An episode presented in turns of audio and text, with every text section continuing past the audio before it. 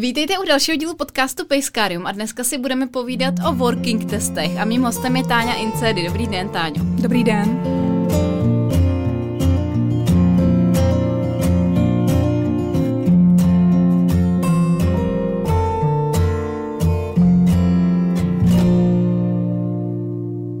Uh, hned na začátek, teda já si musím trošku tady posypat popel na hlavu, protože když jsem se na ten podcast chystala, tak jsem si vlastně uvědomila, že jsem se tady postavila jako do role člověka, který má doma 12 let retrievera.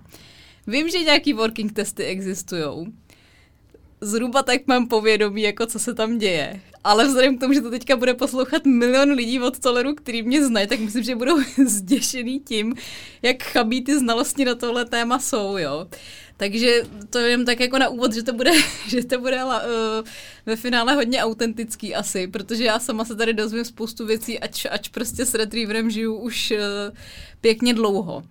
A Pojďme asi úplně na začátek, jenom jako v největší zkratce a stručnosti říct, o co vůbec jde, jestli někdo slyší uh, slovo working testy poprvé v životě teďka.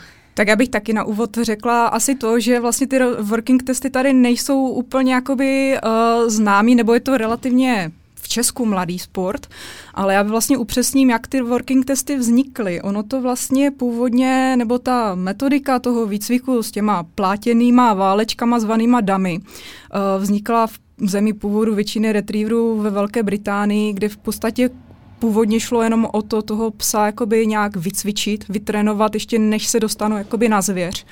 Čili vlastně oni, ti tre, uh, trenéři nebo ti vůdci to používali vlastně jakoby na vycvičení psa na field trialy. Takže, Takže to byl takový jakoby předstupeň. To byl takový předstupeň, nebo prostě udržet toho psa v kondici před tou loveckou sezónou, naučit toho psa vlastně tu ovladatelnost nebo ten smysl toho, co on má vlastně dělat. A teprve potom vlastně z toho někde v půlce minulého století vznikl sport zvaný working testy. Mm-hmm. A uh, teďka asi i řekněme, že to teda vychází z přirozených vlastností a vlohy vlastností retrieverů. těch retrieverů přinášet. Ano. Ano, je to vlastně, jde o to, že ten pes vlastně tím uh, cvičí, cvičí pro dohledávání, přinášení zvěře. Ale jde tam právě o hodně dalších věcí, kromě té dohledávky, ten pes vlastně musí být celou dobu naprosto klidný u nohy. Uh, ideální pes je takový, který má prostě off-on. Prostě když je u nohy, ví, že může odpočívat, uh, že může sledovat, co se děje a až když je poslaný, tak vlastně se zapne a do to, dá do toho, do té práce 100%. A když už potom dohledává, tak by měl dohledávat dávat opravdu samostatně a s chutí. Což už ta samotná představa si myslím, že pro spoustu majitelů retrieveru je tro, trošičku jako sci-fi, ale k tomu se určitě dostaneme. Ale ještě pojďme upřesnit ty vlastně plemena, kterých se to týká. Protože uh, já jsem tady s Radkou Stegurovou, když jsme natáčeli o zlaťácích, tak jsme to taky uh, tak trošku uváděli, ale můžeme asi zmínit a rovnou můžeme i zmínit, jestli uh, se to teda týká skutečně jenom retrieverů, a nebo je to věc, který se, se, jako který se může člověk věnovat i s, se psem jiného plemene. Týká se to primárně retrieverů s, puka, s průkazem původu, ale samozřejmě, uh, protože se jedná jakoby o skupinu číslo 8, lovečtí, uh, slídiči a retrievři, uh, na některých uh, zkouškách, nebo teda u některých klubů jsou na tyto zkoušky připouštění i Španělé. Mm-hmm. Protože vlastně kromě, kromě mm, toho, že existuje varianta pracovního retrievera nebo labradora a golden retrievera, existuje i varianta pracovní španělů, který, kteří se prostě chcou taky uh, zúčastnit těchto, těchto soutěží, takže vlastně i oni můžou být u některých klubů uh, Jasně. Přítomní. Mm-hmm. Jasně, jasně. A ti retrievři jsou jací teda? Ať no, retrieveru, retrieveru máme vlastně še, šest plemen. Je to nejčastěji nej, nebo nejšíři, nejvíce jakoby zastoupený labradorský retriever, zlatý retriever, flat-coated retriever, Nova Scotia ducktoiling retriever, Chesapeake bay retriever a curly-coated retriever.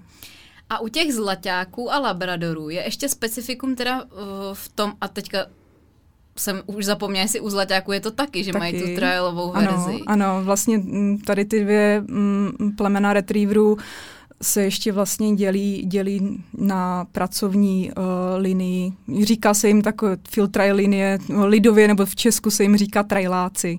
Jsou to vlastně psy, kteří byli od začátku šlechtění pouze, pouze pro, pro tu práci. V Anglii je vlastně uh, takzvaní gamekeepers uh, používají uh, pro, to, pro ty traily nebo pro, pro tu práci v těch bažantnicích.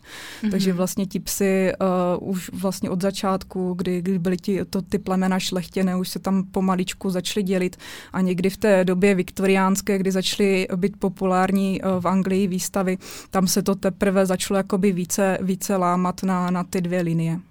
No, protože ono, jestli to někdo třeba nezná, ty dvě varianty, myslím, že kor u těch, zla, u těch labíků je to takový jako opravdu, že by si až člověk, který to vidí poprvé, mohl myslet, že to jsou dvě úplně rozdílný plemena, mám pocit mm-hmm. někdy, jo? že to je fakt jakoby obrovský rozdíl mezi nimi. No. no já bych řekla, že je věci, větší rozdíl u těch zlatáčků. Jo, jo, jo, jo.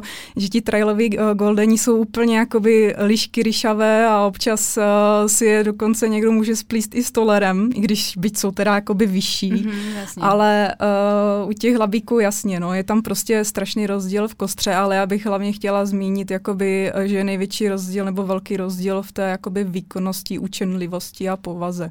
Že ti klasičtí labradoři jsou takový sluníčkářští, jako ježiš, tady je kalu, ježiš, já vás všechny miluju že jsou prostě všichni takový jakoby víc prostě pro své okolí i pro Aha. toho pánička, ale když to ti trailáci jsou takový prostě opravdu psi šíleně fixovaní uh, na toho svého majitele nebo na tu rodinu a prostě chcou dělat s ním a pro něj.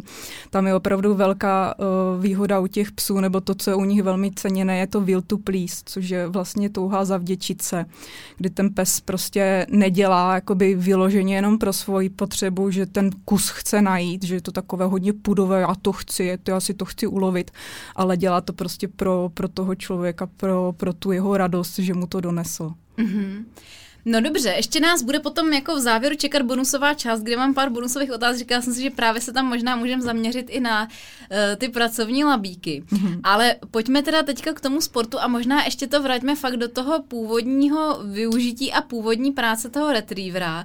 Jak to vlastně vypadalo a co všechno dělal a jakou to má souvislost s těma working testama potom. Protože já třeba ani jako pak nemám představu, jaký tam jsou části, z čeho všeho se to skládá a tak. Tak jenom jako, aby jsme si dokázali představit, uh, když to z toho vychází, jako jak, eh, co všechno vlastně je eh, takovou prací toho retrievera. Já bych neřekla, že dělalo, oni to pořád dělají, protože ti retrieveři se po, pořád, uh, pořád používají. Já sama startuju na field trialech, nebo chodím, uh, chodím vlastně v sezóně i hony, takže vlastně to jakoby používám, využívám ty dovednosti, které si ti psy naučili po celý rok, protože vlastně working testy se většinou pořádají mimo, mimo loveckou sezonu, což je třeba od března do konce září a potom se vlastně ti lidé jakoby překlápějí, na, už zase připravují na ty hony, anebo na případně na ty field trialy. Mm-hmm. Vlastně práci toho psa, já už jsem to vlastně nakousla na začátku, je, že on eh, pracuje primárně u té nohy, protože retriever byl původně vyšlechtěný pes pro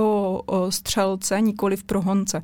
Jeho úkol vlastně ne, nebyl původně uh, vyhánět tu zvěř. To většinou dělali uh, ti španělé nebo ohaři.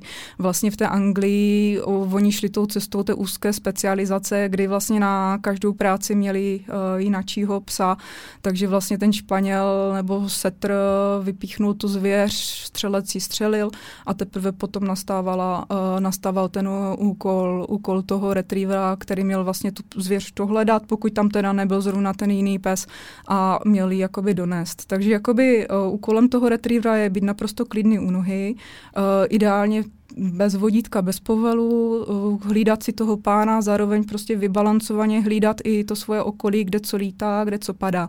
Eh, jejich jakoby eh, úkolem je zapamatovat si více míst toho dopadu, protože třeba během leče padne několik kusů a ten pes vlastně čeká pořád na ten povel toho, toho vůdce. Takže on si to takzvaně namárkuje, ten pes, že vlastně ten apod, který uh, letí, vidí padat, se nazývá marking, ale k tomu se dostaneme později, když si popíšeme disciplíny. A teprve potom je poslaný. A vlastně ten vůdce u toho dobře trénovaného retrievera si určí, pro který kus ten pes půjde první, druhý, třetí a tak dál. Vlastně eh, primárně je třeba se sbírat takzvané křídlované kusy, kdy ten pes eh, vlastně je poslaný na kus, který nebyl střelen jakoby na mrtvo, ale vlastně ještě žije. Takže z etických důvodů je nutné tady ten kus uh, pozbírat první. A vlastně s ohledem na tady to, na tu praxi, se potom vlastně ti psi začali i cvičit na těch plátěních válečcích zvaných damík a podle toho se potom začali i nějak uh, stavět, uh, stavět ty, ty, ten moderní sport, sport working testy. Ale já bych vlastně chtěla ještě uh, naznačit nebo vysvětlit, že vlastně kromě working testů tady existují i sport zvaný dummy trial, a tady jakoby nejlépe můžu jakoby rozdělit, uh, co je takové více do praxe a co je více sportovní. Uh, vlastně ty working testy jsou skvělé v tom, že oni jsou pro každého psa stejná disciplína, jsou si jakoby rovné. Ale zajímavé v tom je, že vlastně nikdy ten den nevíte, co vás čeká, protože tam vlastně není řádem daný nějaký, nějaké jak to říct, není to podle pravítka, jako dejme tomu v IPO nebo jiných sportech, kde máte přesně dané kroky, kde máte přesně danou disciplínu, překážky, obrany, boom, všechno, všechno je vlastně jakoby v jiném prostředí, ale stejné. Hmm, když to na těch... člověk na zobku, tak taky ví, přesně, že jo, co tam přesně. má za Když to, když to vlastně na těch working testech nikdy nevíte, co na vás ti rozhodčí vymyslí. Uh, oni vlastně mají dané jenom omezení tou danou třídou podle vlastně té složitostí a nevíme ani, uh, kolik disciplín nebo kolik testů na vlastně ten den bude čekat. Většinou to je 4 až 6 za den mm-hmm. uh, v, té dané, v té dané třídě a vlastně ty working testy se ještě dělí na čtyři uh, čtyři třídy podle, podle vlastně vycvičenosti nebo levelu toho psa. Je to vlastně E, to se dá říct, jakoby nazvat jako papy, L je novice, uh, intermediate je M a S to jsou ty nejvyšší, nejvyšší open. Většinou se to v jeden den nestihne, takže většinou bývají ty working testy dvoudenní, že se to vlastně ty třídy rozdělí dva v sobotu, dva v neděli, anebo se to tam potom nějak kříží. Uh, Vlastně, jak jsem říkala, uh, ty working testy uh, jsou vlastně pro každého psa, musí být vlastně ta disciplína stejná v té dané třídě, aby to bylo jakoby snadno, snadno ohodnotitelné pro toho rozhodčího, když to ten dummy trial, ten je více vlastně, už to ten název napovídá, že ten dummy trial je vlastně trial na damíkách tam vlastně uh, jsou ty aporty uh, házeny vlastně náhodně podle stevardu nebo pomocníků. Tam vlastně uh, si ani ten rozhočí nevymýšlí vlastní disciplínu. On vlastně jenom přijde a hodnotí to, co mu vlastně ten tým nachystal. Aha. Takže, uh, takže on sám pokud se teda nedomluví, někteří rozhodčí uh, si jako do toho nechají jako víc, nebo více do toho kecají mhm, těm, mm-hmm. těm uh, organizátorům, ale uh, víceméně je to tak, že opravdu uh, to tam velí nějaký zkušený steward, uh, který třeba přes vysíláčku dává uh, těm pomocníkům znamení, jaký aport kde v danou chvíli padne a ten rozhodčí opravdu tak jako na trailu, protože na trailu nevíte, kde vám nějaký bažant nebo kachna poletí. Můžeme možná i ten trial vysvětlit, taky možná. To by bylo, jako, nebo no, bylo by to na dlouho? Bylo by to jako... na dlouho, to je v podstatě samostatná kapitola. Jo, dobře. Ale jako spíš by, spíš by se držela toho dummy trialu, Eh, ten se vlastně dělí jenom na dvě, discipl- na dvě třídy a to je vlastně novice a open, tak jak je to vlastně v zemi původu v Anglii, mm-hmm. kde vlastně ta novice je akorát rozdílná od té open třídy v tom, že jsou tam kratší ty vzdálenosti. Takže tam vlastně ten steward uh, řídí trošku ten dummy trial jakoby z začátku zlehka, Eh, kde třeba padají jednodušší aporty na rozběhání, je několik kol, až vlastně ten rozhodčí uh, odposuzují ty třeba první tři aporty, teprve potom třeba začne uh, zvyšovat ten steward tu, tu náročnost těch aha, aportů. Aha.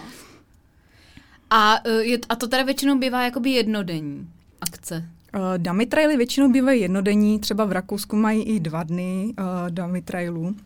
Ale tady v Česku většinou je to opravdu, že půl dne je novice, půl dne je open.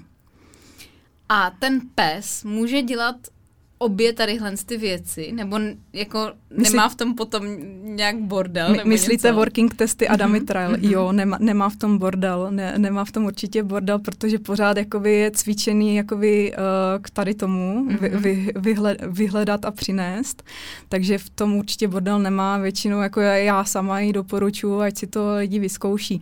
Já bych teda ještě se vrátila k těm uh, working testům, a tam bych jakoby ještě více, více vysvětlila, jak, jak se to vlastně posuzuje a s čím se tam vlastně lidi můžou setkat. Uh, na těch working testech uh, se většinou lidí hlásí, když jsou jakoby nováčci, tak jdou do té nejnižší třídy E. Já to většinou těm nováčkům i doporučuji, aby si to prostě vyzkoušeli od té nejnižší třídy, nabrali zkušenost. Pokud je pes šikovnější, můžou jít do té vyšší třídy. Uh, opět tady jako u většiny sportu platí, že pokud projdete vyšší třídou, už nemůžete jít o třídu níž. Uh, pokud získáte třikrát výbornou, protože kromě, kromě toho, že se tam dává ještě nějaké jako bodové známkování, tak dostáváte i známku uh, výborná, velmi dobrá, dobrá a tak dál. Když v jedné třídě dostanete třikrát výbornou, je jedno, jestli to je tady v Česku nebo i v zahraničí, tak automaticky postupujete výš. Mm-hmm. Uh, a od té chvíle už člověk může uh, soutěžit jenom v té vyšší třídě? Od té chvíle může mm-hmm. soutěžit v té vyšší třídě. Uh, uh, rozhodčí vlastně, vlastně posuzuje uh, tu danou disciplínu, má vlastně dost velký rozsah uh, bodování oproti uh, dummy trailu, kde vlastně může ten startující získat uh, až 20 bodů.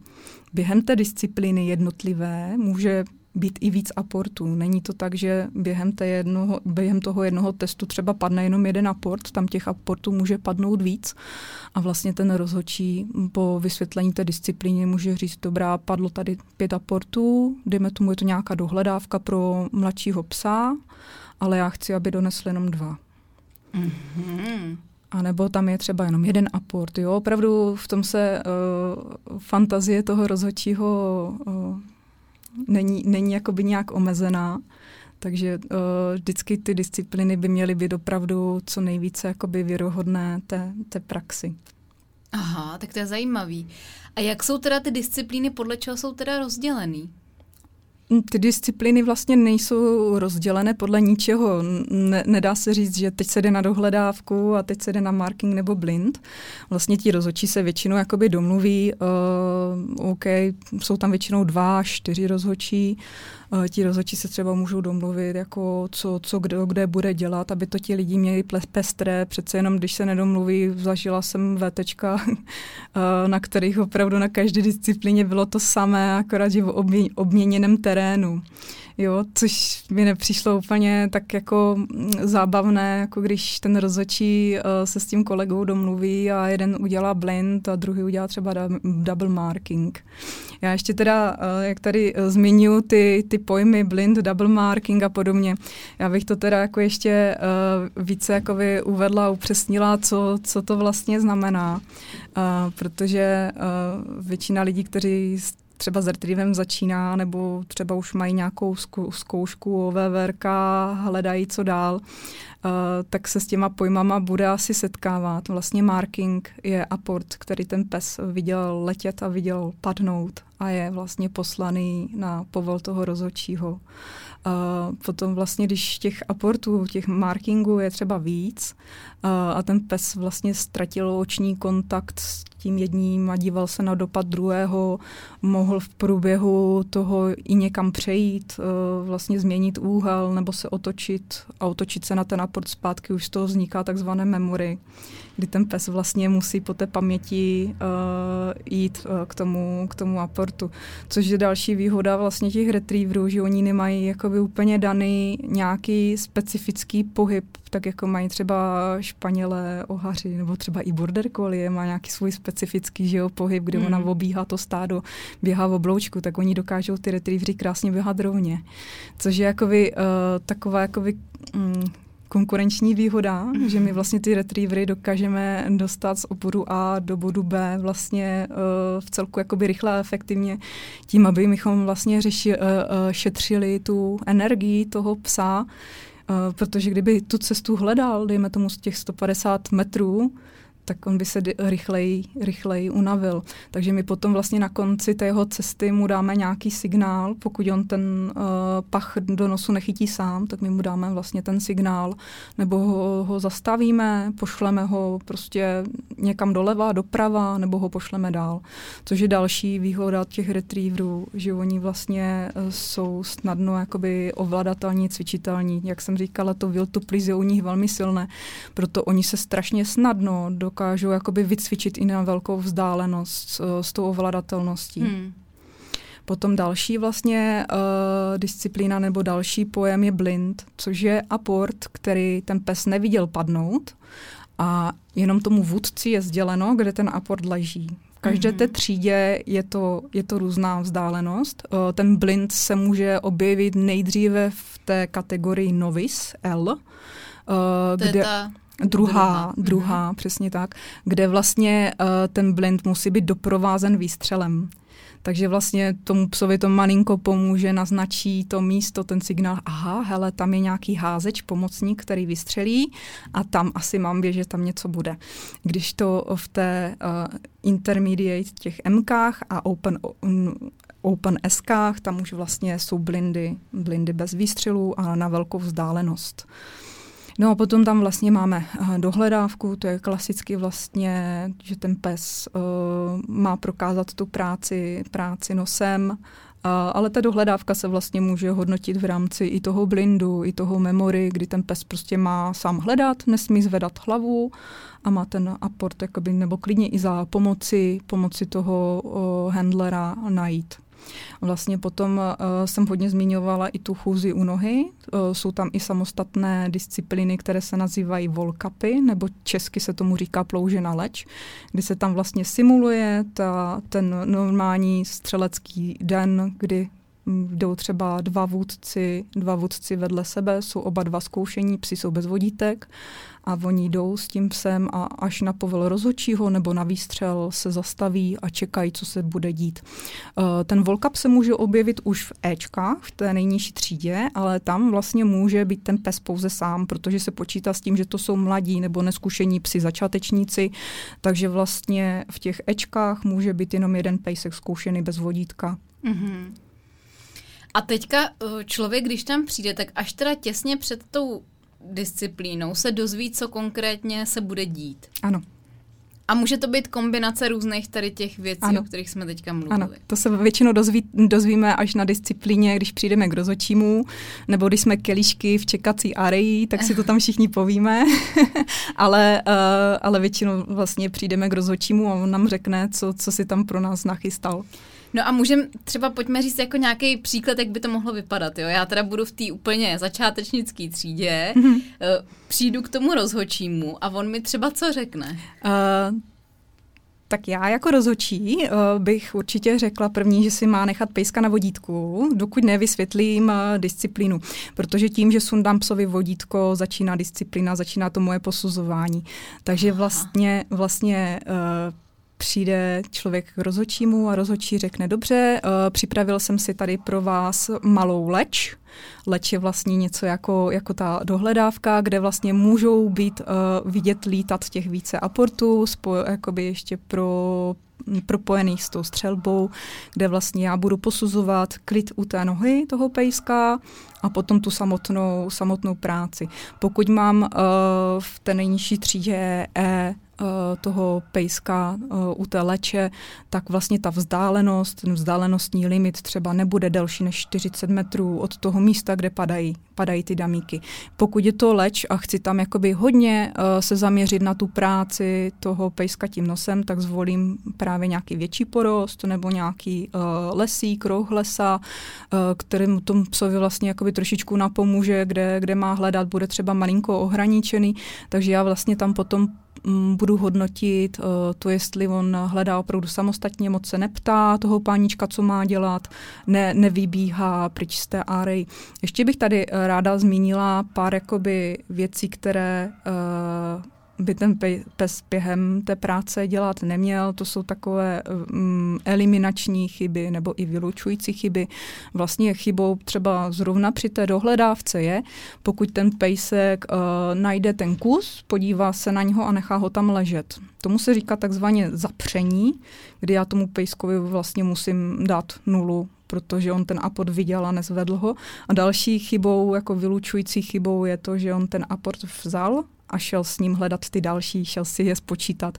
Takže to je mhm. vlastně dohledávání s kusem v mordě, což je taky vlastně uh, vada nebo chyba.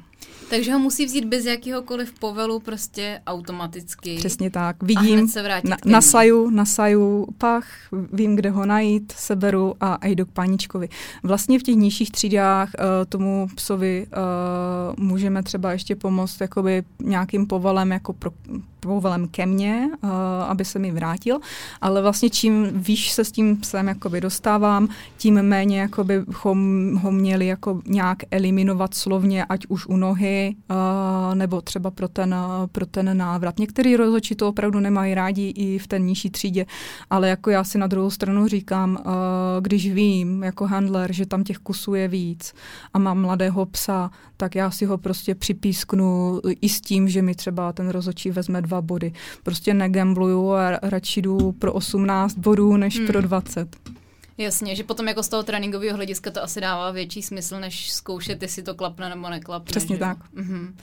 A uh, teďka tam je nějak přesně určený, v jaký poloze třeba ten pes musí ten aport předat, nebo ne? Ne, ne, ne, není to úplně, uh, co se týče uh, poslušnosti a ovladatelnosti, je, je to takové daleko volnější.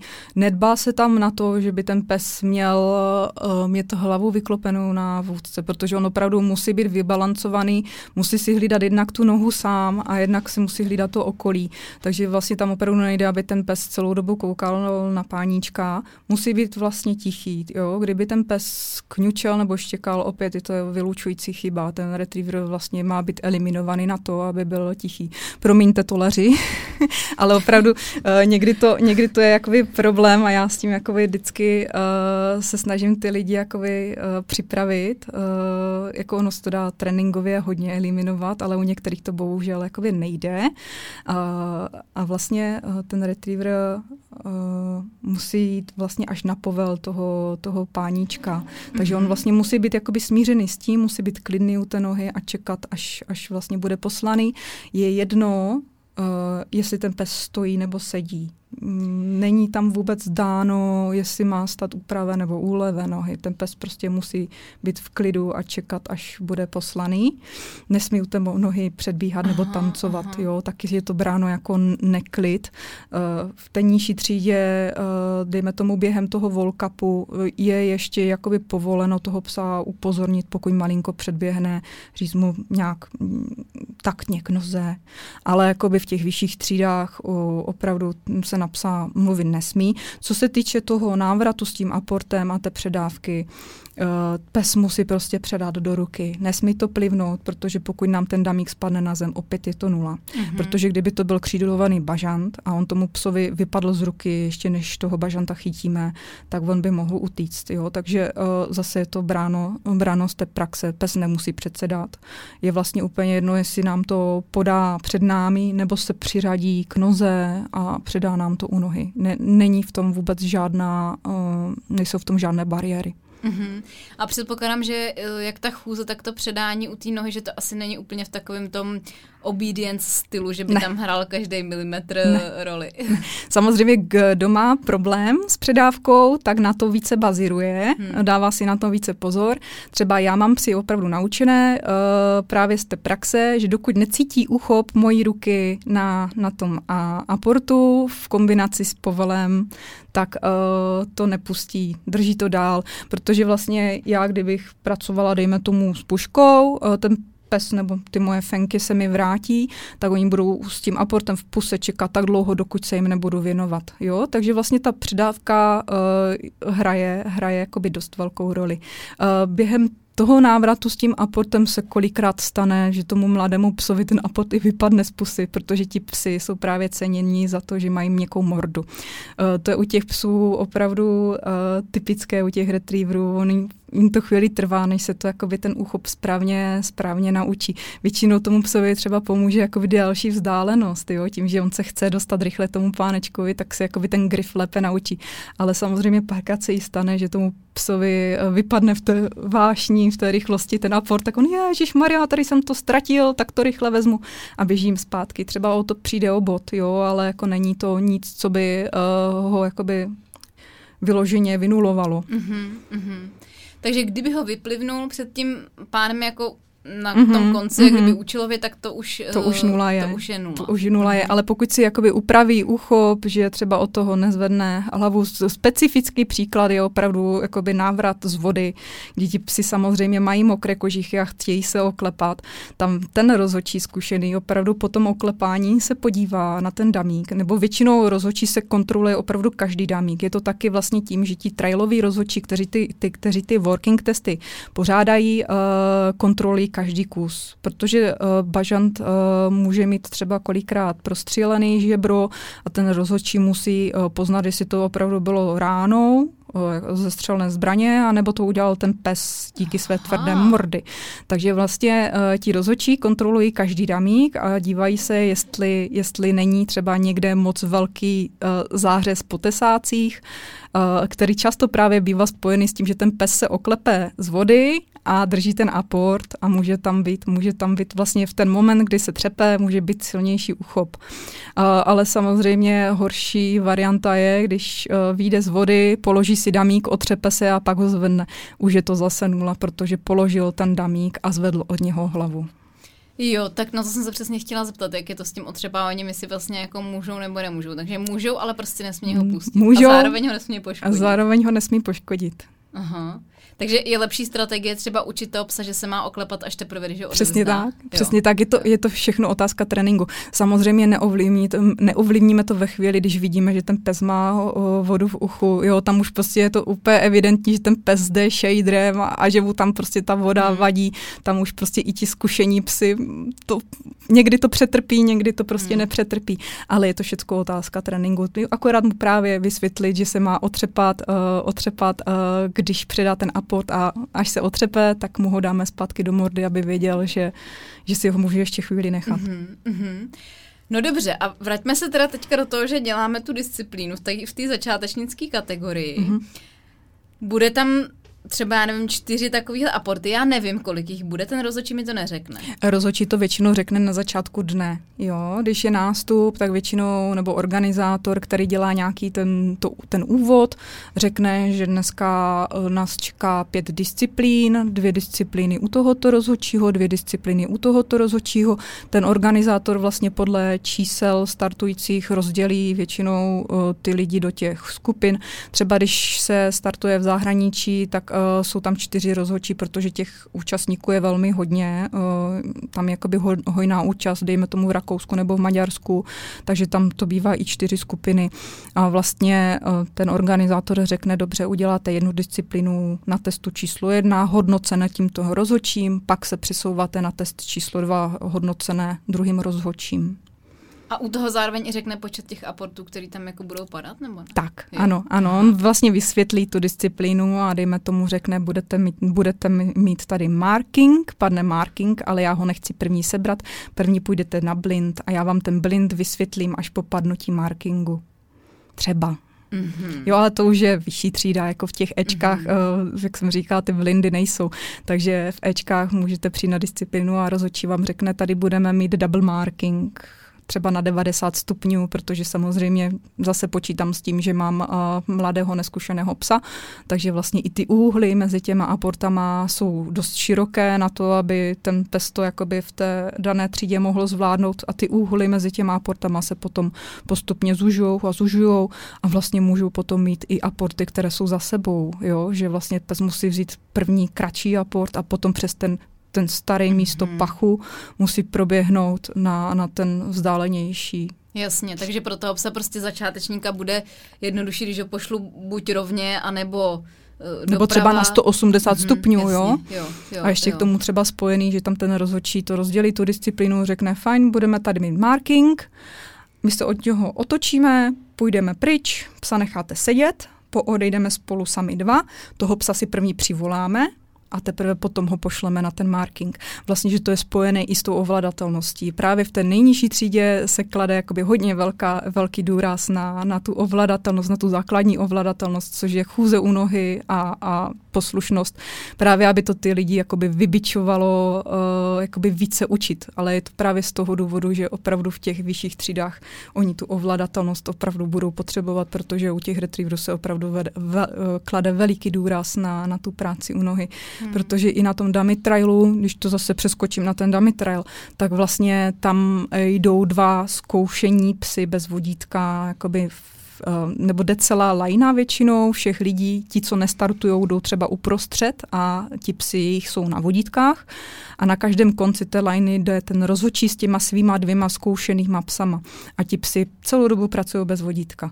Na tom dummy trailu uh, je to právě snažší v tom, že tam je to kontrolované tím, uh, těmi stevardy nebo těmi házeči, kteří to tam nějak jako řídí, uh, takže vlastně ty prodlevy mezi těma aportama nejsou tak dlouhé, ale dejme tomu na field trailu nebo během normálního honu ten pes musí sedět i tři čtvrtě hodiny. Nebo jít u té nohy tři čtvrtě hodiny, bez toho aniž by se vyčůral, bez toho aniž by uh, odběhnul uh, v různém terénu, jdeme mlázím, uh, fakt hustým lesem, takže tam vlastně ani nejde, nejde nacvičit pořádně ta obediencová uh, chůze, protože ten pes by že vrážel do hlavy vším, hmm. vším možným, zakopávalo větve, takže tam prostě ten pes se musí vyhýbat se mnou jakoby těm, těm jakoby přírodním překážkám a podobně, takže tam jako opravdu ten pes musí, musí být klidný u té nohy a musí umět následovat. Neříkám chůzi u nohy, jo.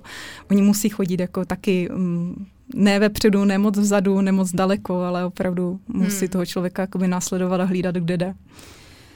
E, jako, jak o tom povídáte, tak několikrát mi tady padlo na mysl, že jednak zase jako vždycky prostě mě úplně fascinuje, když se mluví o nějaký práci, která je přirozená pro toho psa, kterou fakt má takhle v krvi.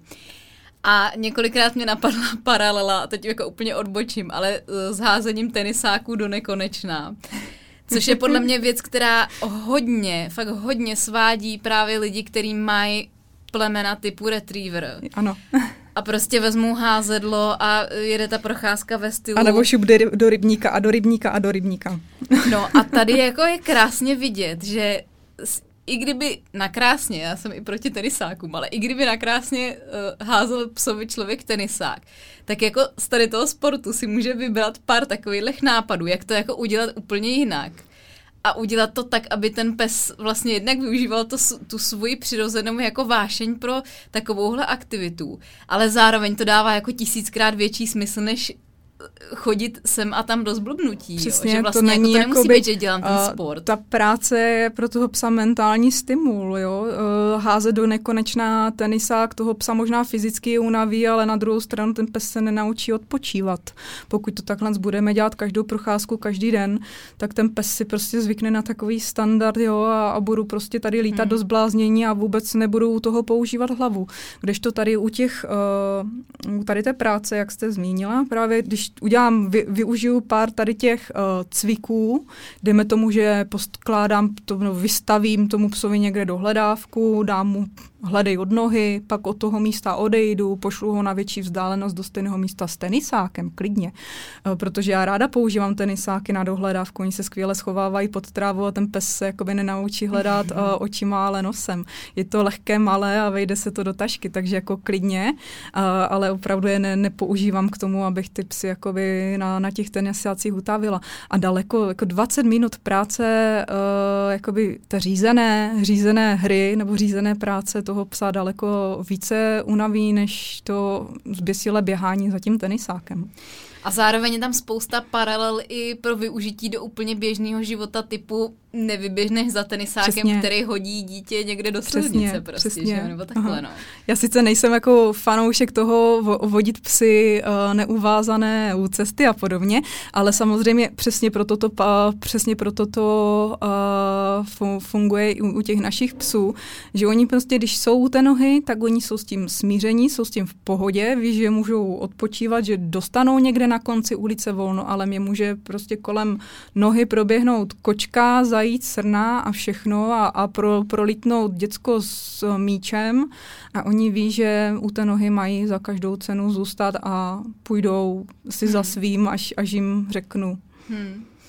Jako tak to je, to je, mi přijde fakt hrozně hezký na takových aktivitách, že opravdu jenom stačí zapojit trošku fantazii a člověk může spoustu těch Přesně. věcí sportu využít do úplně běžného života a vůbec to nemusí být o tom, že sbírá prostě nějaký úspěchy na uh, soutěžích a poháry a tak dále. Že jo, jo tady, tady ten sport, já bych řekla jakoby z vlastní zkušenosti, z, jako za tu dobu, co, co to dělám a, a co ty pejsky proto chovám, že ti psy jsou strašně do, do života a vlastně lidem, kteří ke mně přijdou na trénink, to taky říkám, teď primárně cvičíme psa pro život do měst, protože většina lidí žije ve městech nebo na vesnicích a, a my potřebujeme mít ty psy přece vychované. Jo? Takže uh, já s ohledem, s ohledem k, jejím vlohám toho psa i cvičím právě pro ten, pro ten život. Hmm. No dobře, tak to je jenom jako taková odbočka, že kdyby mm-hmm. někdo si říkal, ty to jako já tady vůbec si nebudu honit nějaký sportovní úspěchy, tak ale že jako vůbec to prostě nemusí být Nemusí, no. strašně hmm. hodně lidí to dělá uh, právě jenom z toho důvodu, že je baví pracovat s tím retrieverem pro to, co byl vyšlechtěný uh, a zároveň toho psa přitom i jakoby cvičí tu poslušnost, ten kontakt s tím člověkem. Hmm a ani nestartuje.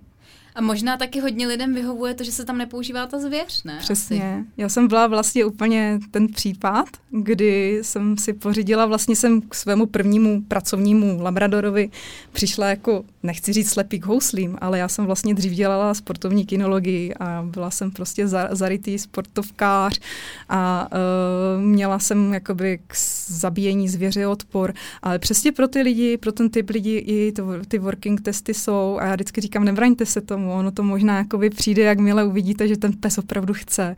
A když uvidíte ty zářící očka a to, jak je ten pes proto dobrý, tak vy si to třeba rozmyslíte a třeba ne. Třeba zůstanete jenom na damících. Ale i tak je to úplně skvělé uh, vyžití pro, pro toho retrievera, když vidíte, že on opravdu to chce najít a chce vám udělat radost a zároveň se jakoby u toho, u, te, u toho tréninku učíte poslušnosti a té komunikaci s tím páničkem, protože zastavit toho psa na, na 100 metrů uh, a poslat ho doleva a doprava opravdu chce uh, jakoby ten úzký kontakt a tu důvěru toho psa.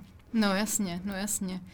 Hmm, to je jako, a zase je to další z věcí, který určitě kolikrát ten pes přivede toho člověka, až vůbec to dělat nechtěl. My Přesně jsme tak. Řešili český fousky, tak taky jsme se tady bavili o tom, jak jako vůbec nikdo s nima většinou nechce dělat lovečinu a 90% lidí potom skončí u toho, že aspoň trochu něco s nima dělá, protože vidí, že proto mají úplnou vášeň. Že? Jo, hodně lidí přijde, já, já chci jenom poslušnost a já vždycky uvidíme, uvidíme. Necháváme to otevřený. No dobře, tak pojďme, pojďme teda ještě zpátky do těch disciplín. Eh, ještě mě zajímala jedna věc a to je ten terén. Mně se tam teda v té jedné disciplíně může třeba střídat to, že to bude, já nevím, trochu na poli, trochu v lese, trochu ve vodě a tak dále. No přesně ta variabilita toho terénu opravdu me, me, meze taky nezná. Uh, jeden apod může být do vody a druhý může být na hráz nebo do lesa. Uh, zase záleží, který terén si zvolí ten rozhodčí. Oni většinou ti rozhodčí přijedou už den předtím uh, a ten uh, organizátor je provede, ukáže jim vlastně možnosti a, a oni si sami vyberou, kde, kde budou třeba chtít stát, kde, kde si vymyslí tu disciplínu disciplínu, protože právě oproti tomu dummy trailu na tom working testu si vlastně ten, uh, ten test, tu disciplínu uh, vymýšlí sám, sám rozhodčí a on si třeba vybere, jeden rozhodčí si vybere, že bude stát v lese a udělá dvě disciplíny v lese a druhý rozhodčí udělá jednu disciplínu na vodě a druhou třeba na louce. Takže tam vlastně ne, nehraje, uh, nebo není tam žádné omezení, co, co, by, co by tam nesmělo být nebo nemohlo být. A je i tohle věc, která uh, trochu dělí tu náročnost té disciplíny i třeba v rámci těch tříd, že uh, například v těch začátečnických je to takový víc jako lehčí ten terén a čím je ten pes pokročilejší, tak třeba musí, mm. já mhm. nevím, překonat nějakou překážku typu potok a tak dále, což třeba předpokládám, že pro část psů bude taková jako bariéra, že si myslí, Nemusí že, být. Že, že nejdou přes ní. I, I v těch nejnižších třídách může být ten terén opravdu těžký. Tam je spíš limitovaná ta vzdálenost, která mm-hmm. třeba je dána u, u té třídy E, že by neměla být delší třeba než těch 40-50 metrů. V té L, v té novis, už se můžeme pohybovat kolem 60-80 metrů, ale ono opravdu, jak říkáte, strašně záleží na uh, těžkosti toho terénu. Samozřejmě v ne průhledném lese nemůžeme natáhnout tak velkou vzdálenost. Takže vlastně s ohledem na, t, na ten terén se zkracují i ty, i ty vzdálenosti. Například v té nejvyšší třídě Open můžou ti psy na rovném poli běhat i 150 metrů pro blind, vlastně pro ten aport, který neviděli padnout, ale vlastně v lese si to nemůžeme dovolit tak to natáhnout. Takže třeba může být vražedná disciplína v Open na 40 metrů, ale tím, že tam toho psa ztratíme z dohledu, nebo máme strašně malé takové okno, kde toho psa musíme udržet, abychom ho viděli, tak to z toho se stávají opravdu jako zabijácké disciplíny, kde vypadne strašně hodně psů, jenom protože třeba nebyli ovladatelní, byli moc rozběhaní a mm-hmm. ztratili jsme je a třeba donesli špatný aport, což je taky vlastně vy, vylučující chyba, že uh, pošleme pro některý aport, pes nám zmizí a nebo se oto, o, objeví o 90 stupňů u špatného aportu a najde špatný aport, což v takovém těžkém terénu se samozřejmě může může stát. Takže ono není někdy jako vyloženě černý na bílým určený, že uh, tahle třída má takovouhle a takovouhle maximální vzdálenost? Je, je to, je? jo, jo, u těch nižších tříd, jak jsem zmiňovala ty vzdálenosti, tak to tak cca je. Mm-hmm. Opravdu, že, těch, že by ten limit vzdálenostní měl být nějaký 40 metrů, v L je to zase, já nevím, 80 metrů, ale teď to opravdu jakoby nedokážu, nedokážu uh, říct z hlavy.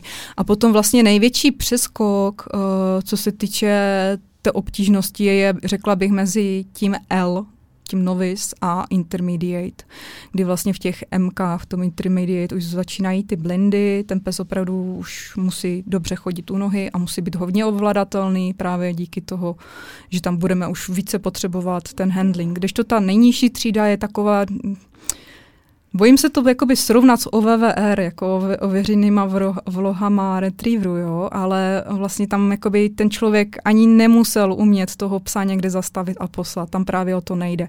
Tam jde o to hlavně o ty vrozené vlastnosti a o to pilování těch základů a toho kontaktu s tím paničkem, jak jsem zmiňovala, chůzí u nohy a třeba to přivolání. Mm-hmm. Ale třeba už v těch elkách budeme potřebovat víc šáhnout na tu píšťalku a toho psa kritické, kritické situaci třeba i zastavit a říct mu to hledej nebo běž doprava, tam to najdeš nebo něco takového. A teďka další věc je, jak ten rozhodčí pozná, jestli eh, ten pes přines ten správný aport v případě, že třeba budou někde blízko u sebe, tak jsou různě barevný, nebo jak je to odlišený? Uh, u working testu vlastně musí být mm, standardní dámík půlkilový a musí mít zelenou barvu. Uh, pokud tam ten rozhodčí uh, nakázal, dejme tomu tomu házeči, tomu pomocníkovi položit více aportu do stejné areji, tak by měl moc dobře vědět, kde ty aporty leží a v tu disciplínu přizpůsobit tak, aby měl možnost toho psa jakoby při té práci vidět. Mm-hmm. Pokud jsou ty damíky moc blízko sebe, tak uh, ale to, to se málo kdy stává. Jo. Většinou může se stát, tak jak jsem zmiňovala, ten krátký dlouhý aport, že vlastně ty aporty se jakoby, ta uh, trasa k tomu dalšímu aportu se vlastně překrývá s tím kratším aportem. Může se stát, že ten pes vlastně ten kratší aport přeběhne je mhm. neposlušný a do, doběhne až k tomu zadnímu, který jakoby více zamarkoval, jo. Takže to je vlastně taky chyba, tam je to opravdu evidentní, který, že, že vzal špatný kus, než uh, rozhodčí chtěl. Ale uh, může se stát, že pokud je situace opravdu tak nepřehledná, dejme tomu v tom lese, nebo je tam nějaký kopeček, za kterým ten pes zmizí, protože kolikrát se stane, že toho psa opravdu pošleme a nevidíme ho. Jo? Takže tam musíme spolehlat opravdu na to, že ten pes třeba drží tu linii, že je v té areji a že tu areju drží. A když ten rozhodčí ho sám nevidí, tak on vlastně jde blíž, vlastně opustí to stanoviště, kde uh, je ten výchozí bod, kde byl ten pes, pos, odkaď byl poslaný a jde se podívat blíž. Takže to je taky kolikrát tak uh, jakoby uh, zvláštní, nebo musíme toho psa v tom tréninku na to připravit, že proti němu jde nějaký člověk. Ty jo a jo, to je vlastně pravda. Hmm, a uh, no, tak já jsem si říkala, jestli ještě není nějaká varianta, že třeba když by tam byli čtyři, takže by u toho byli čtyři nějaký pomocníky, pomocníci, který by vlastně každý třeba kontroloval jako jeden, nebo já nevím, ale takže ne, to, ne. takže jako to může, může samozřejmě ten pomocník do toho zasáhnout tak, že třeba zvedne ruku ve chvíli, kdy ten pes ten aport sebral. Je to signál pro rozhodčího, ne, ne pro, pro toho vůdce. Mm-hmm. Uh, jinak vlastně ten pomocník tam vůbec nesmí, jakoby neměl by nějak uh, radit tomu handlerovi nějakými signály a posunky, kde toho psa vlastně má. Když to v tréninku my si jako pomocníci jako opravdu pomáháme, dáváme signál, když je ten pes v té správné áreji, aby ten uh, uh, handler vlastně dal povel hledej nebo ukážeme. Ale na těch working testech právě ten uh, helper tam opravdu je jenom pro toho rozhodčího a ne, ne, pro toho, ne pro toho startujícího. Takže ten mu nesmí jakoby nějak pomáhat. A co se týče nějakých povolených řekněme, pomůcek a takhle, těch věcí, které člověk používá, tak ten aport teda má 500 gramů prostě mm-hmm. skrz všechny kategorie. Ano. Není tam žádný, že ne. by byly takový ty ne. trojitý třeba ne. a těžší a tohle. Ty jsou prostě... Je to prostě standardizované na všech, na všech mm-hmm. working testech i dummy trailech. Uh, vlastně je, je povolený půlkilový zelený damík. A vodítko je klasický to lovecký? Uh, my používáme Moxon vodítka. Oni se trošičku liší od těch loveckých v tom, že oni nejsou přes rameno. Ale pokud tam někdo přijde s klasickým obojkem a vodítkem, tak uh, se nic nestane. Tam stejně ten pes nesmí mít na krku ani obojek proti parazitům. Mm-hmm. Je to vlastně z toho důvodu jako kvůli bezpečnosti. Uh, dejme tomu, že by se zamotal někde v rákosi nebo těžším terénu. Prostě nesmí tam mít ani tady ten obojek. Tak takže vlastně, když ten rozhodčí vyzve nebo zeptá se toho startujícího na tom nástupu, e, zda rozuměl disciplíně, on ho vyzve k tomu, aby sundal vodítko a od té doby vlastně už probíhá to posuzování samotné. Takže mm-hmm. se tam mhm. pracuje bez vodítka. Takže ani žádná, nevím, reflexní vesta ne, nebo ne, něco ne. takového, vůbec ne. nic takového tam nehraje roli. A člověk může mít píšťalku teda? Člověk může mít píšťalku a vlastně, co je povolené, může mít nějaký kontrastní předmět v ruce na ten handling, Často to bývá třeba bílá kšiltovka nebo nějaká kartička. Momentálně v době covidové všichni handlujeme respirátorama. je to z toho důvodu vlastně, aby jsme byli jakoby více zřetelní na tu velkou vzdálenost pro toho psa. Dejme tomu, že všichni stojíme v zeleném nebo v hnědém a stojíme proti tmavému lesu. Eh, a potřebujeme mít velkou šanci toho, aby ten pes nás na větší vzdálenost rozeznal. Takže vlastně v ruce při tom handlingu, při tom navádění máme nějakou světlou věc, nebo třeba stačí jenom bíle, bílý rukáv od košile, od světlé košile a tomu psovi to vlastně pomůže více naznačit ten směr. Mm-hmm. A v průběhu té práce já mu teda můžu pískat? Můžeme mu pískat, můžeme mu tím pomoct, ale můžeme se jakoby zbytečně i připravit o, o body. To záleží zase, eh, co je vlastně žádoucí a co už je vlastně eh, nějaká chyba. Chybou je i hlasitý handling nebo hodně velké navádění. Zase může nás to, může nás to hodně bodově ohrozit, ale samozřejmě ten rozhodčí se dívá na to, jestli ten pes reaguje na ty povely, ve chvíli, kdy na ty povely reaguje, dává tomu handlerovi jakoby šanci ten aport uh, dokončit, nebo tomu psovi, když vidí, že mu to opravdu nápomocné. Příliš hlasitý handling opravdu není úplně, úplně uh, dobrý. Mm-hmm, takže není prostě účelem, aby eh, se člověk upískal všema možnýma způsobama a pas na to ve finále mm-hmm. jako vůbec nereagoval. Ono zase tady bych mohla jakoby mm, nastínit rozdíl, dejme tomu, mezi tou sportovkou a, nebo tady tou prací. Tady prostě ne, ne, nefunguje to, že tři povely a konec protože opravdu pracujeme s těma vlohama toho psa, dejme tomu i v tom přirozeném terénu. A samozřejmě pokud ten pes má jít na marking, na ten aport, který viděl padnout, ale prostě z nějakého důvodu ho neviděl, tak my toho psa tam musíme dostat nějak jakoby takzvaně na blind a tam ho opravdu musíme písknout a musíme mu pomoct.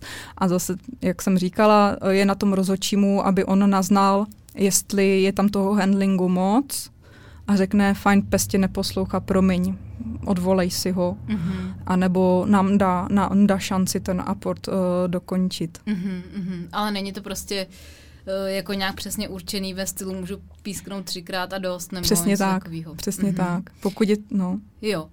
A ještě mě zajímala jedna věc, jestli se tam nějakým způsobem pracuje s pachama, že by třeba a ať už jako v těch, eh, v té soutěži, anebo třeba v tréninku, protože když si člověk vezme třeba obedience, kde se vybírá dřívko napachovaný od toho člověka jeho a tak dále, tak jestli třeba i v tom tréninku se to tomu psovi může usnadnit tím, že například ten damík bude napachovaný a bude pro ně nějakým způsobem jako zřetelnější a potom už Samozřejmě. postupem času nebude, nebo tam tohle vůbec nehraje roli? Samozřejmě pachy zvěře uh, existují, ty damíky se dají napachovávat, nicméně není to vůbec třeba. Uh, dokonce jako není problém s tím, že se sejde parta lidí, ty damíky si namixuje mezi sebou, protože většinou, jako, když to tak se potkají lidi na, na nějakém společném tréninku, ne všichni mají prostě plnou vestu damíku, takže prostě jeden dá dva, druhý dá dva, tak se to namíchá a ten pes to prostě nerozlišuje, jestli to je damík paníčka nebo někoho jiného, prostě berou, berou to jako jeden předmět a většinou s tím jako opravdu nebývá, nebývá problém, že by to ten pes nechtěl najít nebo nechtěl vzít, protože ten pach nezvá, nezná. Je to mm-hmm. tak, eh, je třeba je jedno, jestli tam dáme mix damíků nebo těch tenisáků nebo maličkých damíčků, velkých damíků, protože já v tréninku nebo většina lidí v tréninku používá nejenom půlkilové damíky, ale používáme i 250 gramové damíky. Přece jenom si nechceme lámat záda a vejde se tam těch damíků do toho našeho, eh, do té naší damy vesty víc eh, než, eh, než těch velkých půlkiláčů. Takže ne, jakoby s pachama se samozřejmě pracuje na, na, na tu dohledávku, vlastně na to samotné dohledání toho damíku se klade velký důraz, aby ten pes se jakoby naučil pracovat nosem, ale spíš se k tomu jakoby dochází nějak systematicky a, a postupně, než se ten pes posílá na tu velkou dálku a z, na začátek se cvičí jakoby na malou vzdálenost, protože samozřejmě platí to pravidlo, že čím blíž tomu psovi jsme, tím větší nad ním máme kontrolu. Hmm. Já jsem právě přemýšlela, jako do jaký míry se vlastně dá mm, ten trénink tomu psovi zjednodušit, nebo v rámci toho tréninku to ulehčit tím, že třeba ten pach bude nějak jako zřetelnější. No. Ulehčuje se mu to v tréninku tím, nebo třeba my to tak uh, cvičíme, děláme, že my děláme, když děláme, dejme tomu tu dohledávku, tak do toho místa dohledávky na začátek třeba štěněti nebo mladému psovi, kterému vlastně učí, kterého učíme čichat, Eh, poznávat vlastně ten jeho vlastní nos. Eh, dáváme do té áry eh, těch damíků nebo tenisáků předmětů víc, než se má, aby našel. A těma předmětama ten prostor vlastní zapachováváme. Tak když se třeba zase sportovní kinologie dělají takové ty čtverečky, kde se tam tomu štěňátku že jo, šlape, klade, klade si ty pamlsky, úplně stejně my to děláme s těma předmětama, s těma aportama, mm. že tam dělá plno falešných míst dopadů, takových těch pachových bublin, kde my vlastně toho psa učíme, tady cítíš ten pach a tady u toho zůstaň a něco tam najdeš. Takže takhle mm-hmm. vlastně nepotřebujeme používat umělé uh, jakoby dochucovadla, pachy, ale uh, takhle my jim vlastně zapachováváme, jako zvyšujeme, zvyšujeme šanci toho, aby to našel a aby se v tom prostoru jakoby udržel díky těch falešných třeba míst dopadu. Mm-hmm. Tyjo, to je zajímavý. No a ještě co se týče toho terénu, tak jsou třeba v tomhle nějaký specifika v té vodě, protože předpokládám, že každý, kdo má retrievera, nebo většina lidí, tak eh, ten pes jako má rád vodu, člověk to využívá na nějaký aportování kde si co si, ale tamhle, jako v tomhle asi budou ty terény i specifický, co se týče nějaký uh, přístupnosti a tak, že jo, že tam to jako není úplně vždycky vodička s pozvolným přístupem a uh, jako krásná jednolitá, jednolitá hladina, kde by nebyl žádný rušivý prvek. Tak Ono je to ideál, když je tam jakoby dobrý přístup. Samozřejmě jako uh, žádný organizátor uh, nechce úraz psa při, při startu. Pokud tam opravdu není, není vhodný vstup nebo je to opravdu jakoby hodně hustý terén, třeba co se týče rákosu, že uh, ta vodní hladina ani ne, není vidět, tak radši ten rozhodí třeba použije ten rákos, než, uh, než tu vodní hladinu. Úplně skvělé jsou takové rybníčky, dejme tomu v jižních Čechách, kde ta jakoby jejich velikost dovolí tomu psovi ten rybník přeplavat. My třeba jakoby cvičíme psa, že když už teda umíš aportovat z vody, tak choď přes vodu.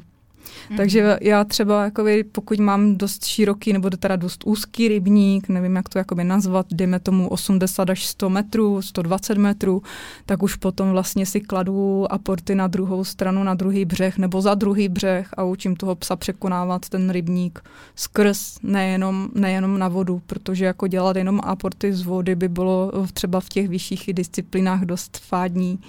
Ale jakoby ten vstup by měl být vždycky pro toho psa uh, nějak uh, snadno překonatelný. Mm-hmm, Už jenom z hlediska, bezpeč, přesně tak, z hlediska mm-hmm. bezpečí. Mm-hmm.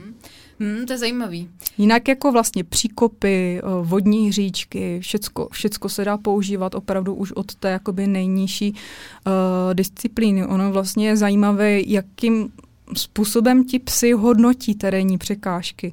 Třeba obyčejný příkop který my vlastně z naší jakoby lidské výšky vnímáme jako fajn je tam příkop. Ten pes vlastně z té svojí výšky, z té úrovně očí vnímá úplně jinak. Stačí, aby vlastně v tom příkopu byla vyšší tráva, házeč stál za příkopem a házel jako na druhou stranu toho příkopu, ale vlastně z toho pohledu toho psa to padá vlastně do toho příkopu. Takže my toho psa musíme vlastně naučit odhadu. Mm-hmm. Že vlastně on se musí naučit jakoby odhadovat tu hloubku, jak daleko má běžet. Mm-hmm. Takže to je taky kolikrát hodně triky a třeba už i v těch nižších třídách musíme nějak sáhnout na, na, tu pomoc, na ten pomocný handling, pokud ten pes ten příkop, dejme tomu, nepřekoná. Eh, když jsme zmínili takovou tu úplně nejjednodušší variantu, jak to může probíhat, tak co je naopak ten úplně top, když i vy byste si třeba vzpomněla na nějaký jako nejtěžší prostě uh, věc, kterou se s tím psem absolvovali a bylo Ježiš. to fakt jako nějaký, jo, abyste člověk dokázal uh, srovnat trošku tu nejjednodušší a naopak jako nejtěžší, uh, nejtěžší variantu, co se třeba v té nejtěžší hmm. úrovni potom psovi chce a jak moc se to prostě liší. No to už jsem vlastně taky asi zmínila, uh, udržet udržet toho rozlítaného psa v těžkém terénu v nějakém okně, jo kde uh, vy vlastně máte, dejme tomu opravdu, představte si uh, okno, které, které je stíněné závěsama a když vám ten pes zaběhne doleva nebo doprava, tak je pryč a vy ho vlastně musíte poslat nějak dál uh, a držet ho právě na té, na té linii, dejme tomu na ten blind, který ten pes neviděl padnout. A přece jenom pro ty retrievery uh, ta krytina vždycky je láká víc než nějaká rovná louka. Oni když vidí nějaké křoví, tak oni nějak instinktivně chcou jít hledat tam. Takže uh, je to potom těžší uh, je jakoby udržet udržet třeba v té, v té linii. Jako těžkých aportů jsem zažila opravdu hodně, hodně jsem se kolikrát natrápila. Třeba s tou mojí uh, starší fenou, to právě uh, vždycky pro mě byly, byly jakoby uh, takové hodně krizové situace v těch, v těch těžkých terénech nebo v kukuřici. Ona prostě, když vidí, viděla kukuřici nebo když vidí kukuřici, tak chce jít běhat dovnitř, chce to jít hledat dovnitř. A to potom bylo takový rozhovor půjdeš vedle, nepůjdu tam, půjdeš vedle, nepůjdu tam. Takže to bylo jako hodně, hodně krizové. Tak třeba pro mě fakt jako ta, ta, ta krytina, no. třeba ta kukuřice. A teďka ještě z toho tréninkového hlediska versus běžný život. Eh, máte vy třeba nějaký povel, kterým byste tomu psovi označovala začátek a konec té práce? Eh, nebo mu nějakým způsobem dala, dávala prostě mm, najevo jako to ohraničení v tomhle smyslu, že se pracuje, anebo že se prostě jde normálně na procházku a nic mm. se nehledá? Uh, třeba mm, moji psy, uh, když jdu s nimi trénovat, Uh, většinou je mám na vodítku nebo i klidně bez vodítka a oni ví, že se začne pracovat, když jim řeknu heal a začnu rozhazovat damíky. To oni ví, že už prostě nemají žrat jabka v sadu, že už se mají soustředit a že se bude teda jako, že se bude makat. Ale většinou třeba, když přijdu já na disciplínu a rozhodčí mi začne vysvětlovat, vysvětlovat ten test, uh, já před sebou nebo někde v boku vidím toho házeče, já už si sama toho psa jakoby začnu připravovat ještě, než mu dám to vodítko tím, že si ho tam postavím a že mu třeba i tou rukou toho házeče ukážu. Je to takové prostě dobré, ještě, ještě nejsem posuzovaná, ještě můžu. Já mám třeba takový speciální povel Mark, kdy ten pes prostě, i když mu tam nedám před ní tu ruku, on se automaticky podívá před sebe tam k tím směrem, kterým já se dívám a už fixuje to místo, protože ví, že tam něco bude padat. Mm-hmm. Takže tohle to používám v tréninku a, a když přijdu sama na tu disciplínu, tak sama vlastně třeba tomu psovi toho házeče jako nenápadně, gentlemansky, když mi to ten rozočí ukazuje, vysvětluje tu disciplínu, tak i tomu psovi jakoby ukážu ten směr, do kterého se potom bude dívat i bez toho vodítka. Mm-hmm. Ale vlastně oni oni opravdu mm, mají tu výhodu ti retrievři, že jsou jakoby v pohodě u té nohy, mají to on-off, nebo teda většina, ne úplně všichni. A, že jako, když jsou ty nohy, tak jsou jakoby takový vyrelaxovaní a, a, a čekají, až co bude. Jaký ten sport klade požadavky na toho psa i z hlediska třeba fyzičky a tak dále? Jsou tam nějaký uh, takové věci okolo, které by člověk měl dodržovat, když eh, to srovnám, já nevím, s agility, že by ho měl uh, tam věnovat pozornost nějakému rozcvičení toho psa, potom ho uh, zároveň vychodit na konci a tak dále, tak jsou jako z hlediska té péče kolem nějaký specifika u toho, nebo něco, čemu se třeba věnujete? Určitě ten pes uh, tím, že pracuje jakoby v nekont- nebo neumělém prostředí, v přirozeném prostředí, může se tam stát strašně hodně úrazů. Třeba u těch labradorů konkrétně často už jsem viděla tolik psů uh, s uh, urvanýma kolenama. Jo. Opravdu často se tam může jakoby stát nějaký úraz, že třeba zakopne o ten hmm. uh, příkop, který on tam v té zarostlé trávě neviděl. Udělá kotrmelec a běží dál. Jo. Takže jako těch uh, držkopádů tam může být i dost. Uh, vždycky je fakt lepší toho psa držet uh, lehčího, aby to udýchal a uběhal. Ale samozřejmě každý pes má svoje tempo. Opravdu uh, nejsou všichni takový, takové rychlonožky, že dávají do toho startu opravdu všechno, jako mm, opravdu na, na ten pohybový aparát, takové ten prudké zrychlení a prudký stop opravdu není dobrý. Pak jakoby v brzkém věku u nich mám tu zkušenost, vzniká artroza. Takže samozřejmě, když ten pes je rozvážnější, třeba ho to bude stát třeba bod dva, protože e, samozřejmě ten rozočí hledí i na to, ale když už je ten pes jakoby třeba hodně jakoby při těle a uh, ty aporty už potom neu, ne, ne, neudýchává, opravdu jakoby to není úplně dobře. Takže hmm, jakoby, říkám si, že tam jako musí být tak jako celkově prostě v dobré Musí kondici, být v kondici, prostě. přesně tak, aby jako za těch, na těch working testech těch aportů ten půl den jakoby uběhat opravdu jakoby není tolik energeticky náročné, ale přece jenom jakoby ten pes by měl být pře, přesně v, v kondici v tom, že když prostě nějak blbě škubrtne, přece jen ho tam jakoby dobře drží ten sval, mm-hmm. drží to tam, kde to držet má a neudělá to tam prostě vevnitř nějakou neplechu. Hmm. Hmm, říkám si, že vlastně možná u některých sportů to vypadá tak jako na první pohled víc nebezpečně, nebo víc tak jako já nevím, teď mě nám flyball třeba, jo, mm-hmm. že to je jako taky specifická, prostě specificky náročná věc. A tohle mm-hmm. se tak jako tváří, že vlastně o nic nejde, že to je jenom taková pobíhačka přírodou, ale zároveň asi eh, tadyhle ty jako základní věci je dobrý mít na paměti, i když člověk dělá přesně, tohle. Jo? Přesně, hmm. Jako taky, že jo, samozřejmě, když, když jsou vedra, tak je to opravdu hodně náročné i na to mm, prevenci toho přehrátí. Hmm. Takže vždycky jako doporučuji vzít sebou do ruky nějaký kanistr, plácnout sebou do stínu a toho psa prostě mezi těma disciplínama nějak jako uh, chladit, ať, ať se prostě jakoby ne, neutaví.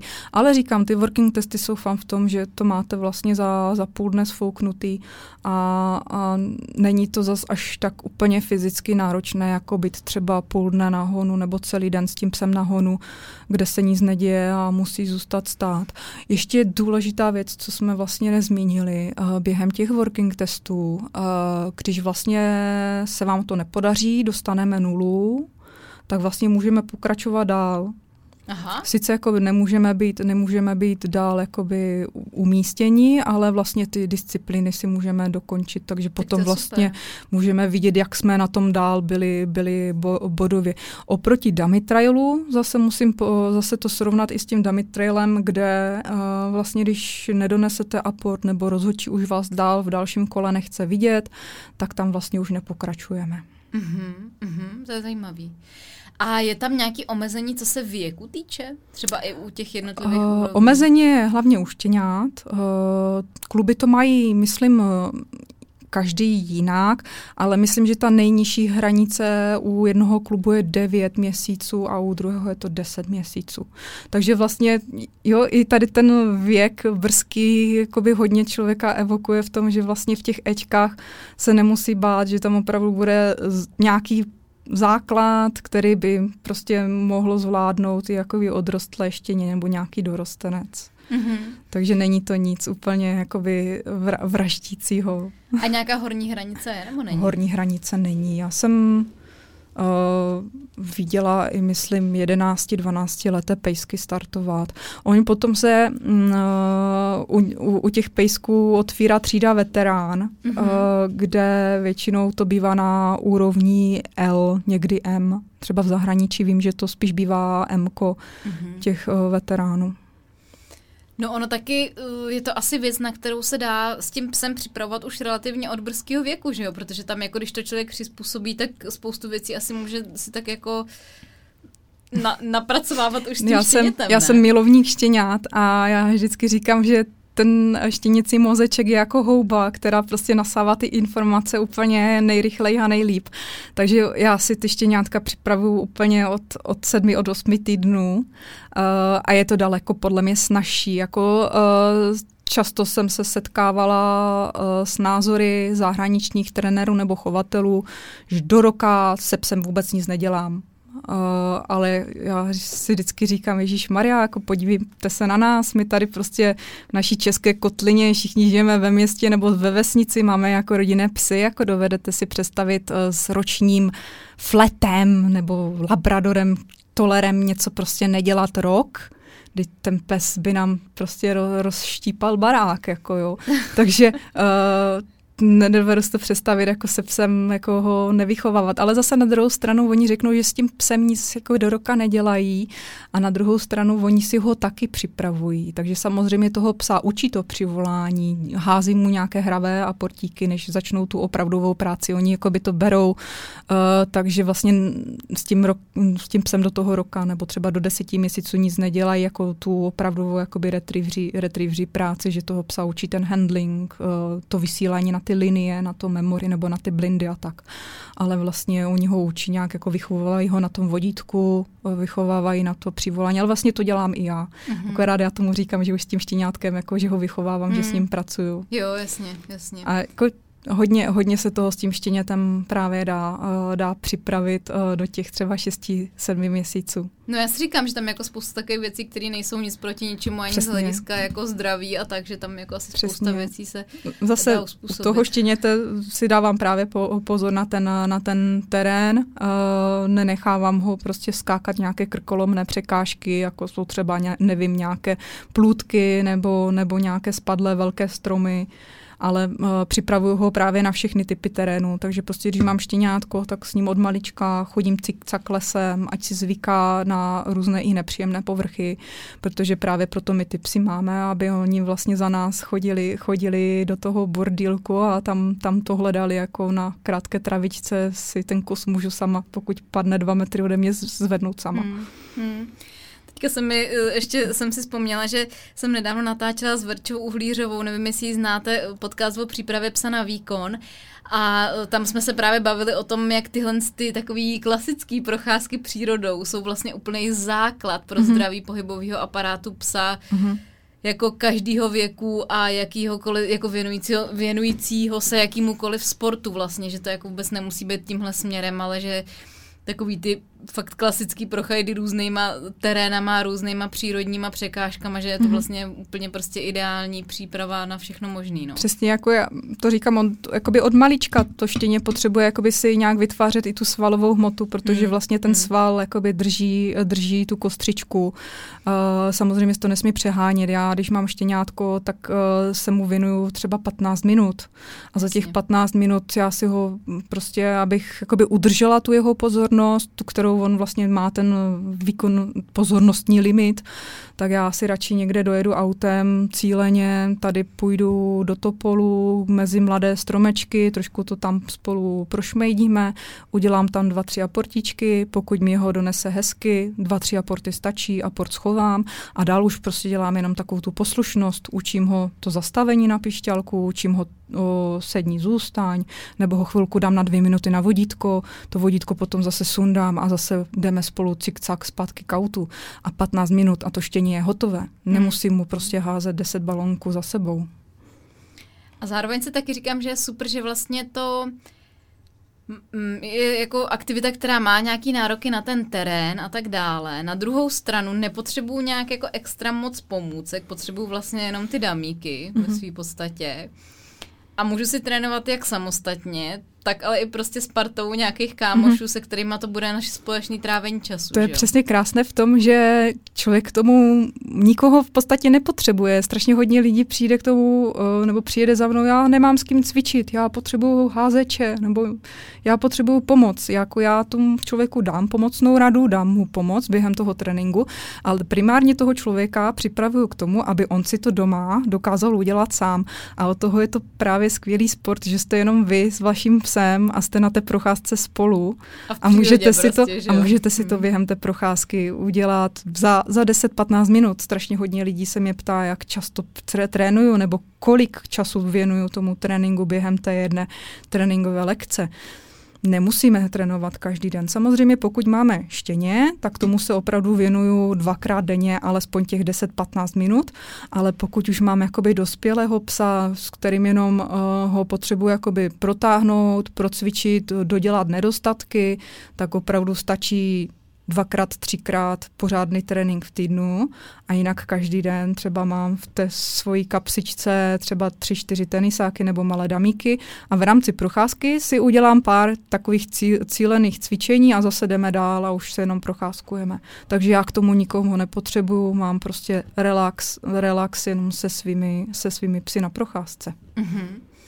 No a ještě si pojďme schrnout takový ty, jako bych řekla, eh, technikálie ohledně toho, jestli když eh, bych to chtěla s svým psem dělat, tak kde vlastně... Mm, je kdyby začít, je k tomu teda nutný, aby ten pes byl s průkazem původu, aby se mohl zúčastnit nějaký zkoušky a zároveň jak to funguje jako ta struktura tady u nás vlastně, jak to, eh, jak to probíhá, když se chci někam takhle přihlásit, kde třeba eh, hledat ty informace dál a tak. Vlastně v České republice existují dva chovatelské kluby. Je to klub chovatelů loveckých slídičů a Retriever klub a jsou tady ještě dva spolky, to je Retriever Sport a Toller klub který je přímo vlastně pro toto dané plemeno, eh, kde vlastně eh, se můžete dozvědět víc o těch working testech na jejich stránkách, můžete si tam přečíst pořádně jakoby více ten uh, zkušební řád, mají tam určitě vypsané i ty disciplíny, které jsem zmiňovala. Tady ty tři kluby, Toller klub vlastně ještě jakoby working testy ne, neorganizoval, ale mohl by, takže vlastně na těch předešlých třech klubech nebo spolku se vlastně můžete na ty working testy přihlásit. Určitě na svých stránkách mají i sepsané nějaké tréninkové střediska nebo doporučené, doporučené osoby, které, kteří se třeba tomu výcviku i věnují. Jinak vlastně ta komunita kolem těch working testů je v Česku ještě pořád malá, jo, protože tady vlastně první working testy uh, proběhly snad v roce 2004, jo, takže to je jakoby relativně jakoby mladý, mladý sport a je nás celkem jakoby malá skupina uh, Většinou se všichni mezi sebou známe a kdo se k tomu bude chtít jakoby dostat, tak se vždycky k nějaké hmm. osobě do, dopídí, která, která bude ochotná mu pomoct a, a vezme, vezme ho jakoby po, pod křídla. A jak je to v zahraničí? Je nějaká země, která je teda úplně top, co se tohohle sportu týče? Je to třeba tak ta Británie? Ko- nebo? Kolebka, kolebka je opravdu Británie, ale jako ve všech okolních zemích, ať je to Rakousko nebo Německo, je tady ten sport strašně populární. Netroufám si říct, ale jako myslím, že v Německu opravdu mají working testy snad každý víkend během té sezóny, protože těch Landesgruppe, těch uh, tréninkových středisek tam je opravdu hodně v Rakousku taky.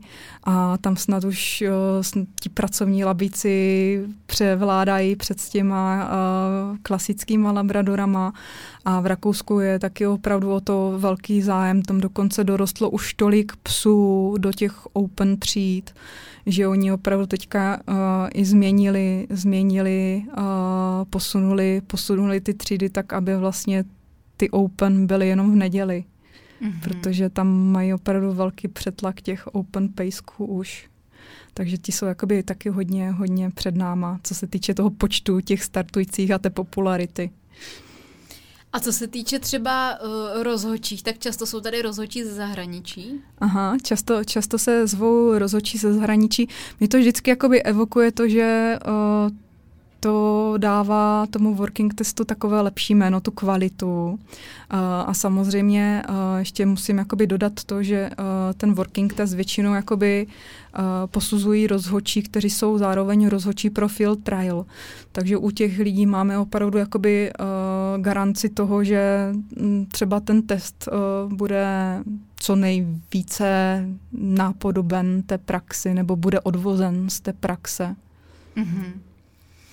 A ještě mi řekněte, co je taková jakoby nejvyšší meta, který vlastně člověk může chtít dosáhnout, když uh, se tomu věnuje. To je jo? pro každého je úplně ten... něco jiného. Záleží, uh, jaké jsou možnosti toho pejska, jak to cítí ten samotný páníček. Někdo má strašnou radost, že jo, nováček má největší radost z toho, že prošel, že, že se zúčastnil, že prošel. Uh, dejme tomu nejvyšší meta, ještě musím zmínit, že kromě working testu a dummy trialu jsou tady takzvané IVT, to jsou International Working Test, které jsou vlastně mezinárodní. Uh, po, pořádá je jako zase opět uh, organizace FC TCI a to jsou týmové VTčka. Tam vlastně uh, se jakoby ty různí uh, týmy nominují z těch mhm. daných zemí, takže vlastně je to takové jako olympiáda, olympiáda tady těch psů. Uh, myslím, že každá, každá země může mít maximálně sestavené tři týmy.